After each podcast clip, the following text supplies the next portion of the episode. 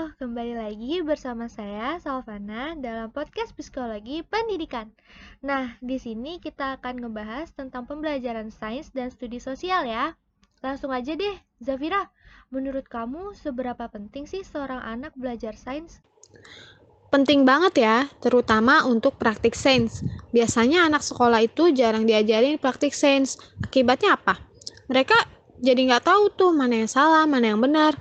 Padahal praktik sains ini penting, seperti yang aku baca pada penelitian Suryaningsi 2017, anak yang belajar praktikum sains itu dapat mengembangkan banyak keterampilan loh, kayak keterampilan fisik, keterampilan sosial, terus juga anak bisa berlatih menerapkan uh, keterampilan proses sains, kayak gitu. Maksud dari mana yang salah sama mana yang benar itu gimana sih? Jadi gini, contoh aja, anak yang diajarin tentang tata surya sama gurunya. Tapi setelah itu dia mikir kalau planet lain itu bumi yang lainnya. Nah, berarti kan dia salah artiin maknanya dong. Nah, ini tuh bisa terjadi karena gurunya kurang kasih pemahaman atau bisa juga kurang prakteknya. Oh, begitu ya? Kira-kira ada nggak sih solusinya? Ada kok. Uh, untuk gurunya itu bisa terapin strategi mengajar konstruktivis. Wah, strateginya kayak gimana tuh? Jadi pada strategi mengajar konstruktivis itu anak muridnya harus membangun pengetahuannya sendiri dari eksplorasi. Nah, guru ini memantau dan ngebantu membimbing muridnya ketika mereka uh, membuat interpretasi. Jadi mereka uh, nggak salah uh, membuat interpretasinya, jadi sesuai dengan kenyataan gitu. Oh, jadi sebisa mungkin anak yang mencari tahu sesuatu, terus mereka artikan ya maknanya. Terus guru yang membimbing supaya nggak ada kekeliruan. Betul banget tuh, kayak gitu maksudnya. Lalu kita masuk ke studi sosial nih. Seberapa penting sih buat kamu? Sama pentingnya kayak belajar sains. Dengan studi sosial, anak nanti bisa menggunakan kemampuannya untuk memilih keputusannya nanti saat berada di dalam masyarakat. Loh, kalau pilih keputusan aja tanpa studi sosial harusnya bisa dong.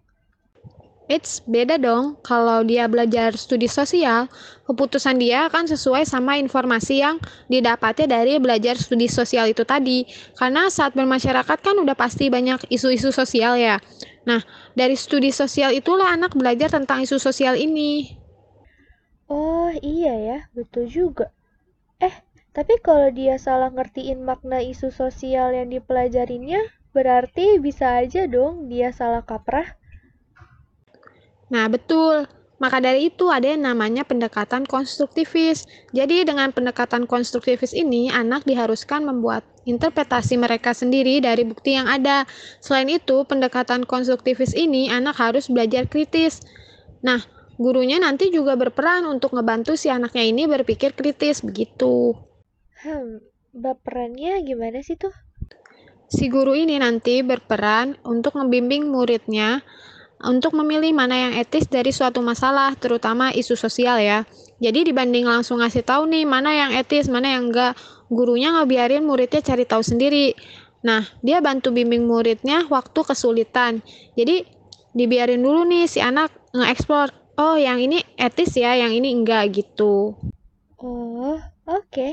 Jadi kesimpulannya gimana Niza?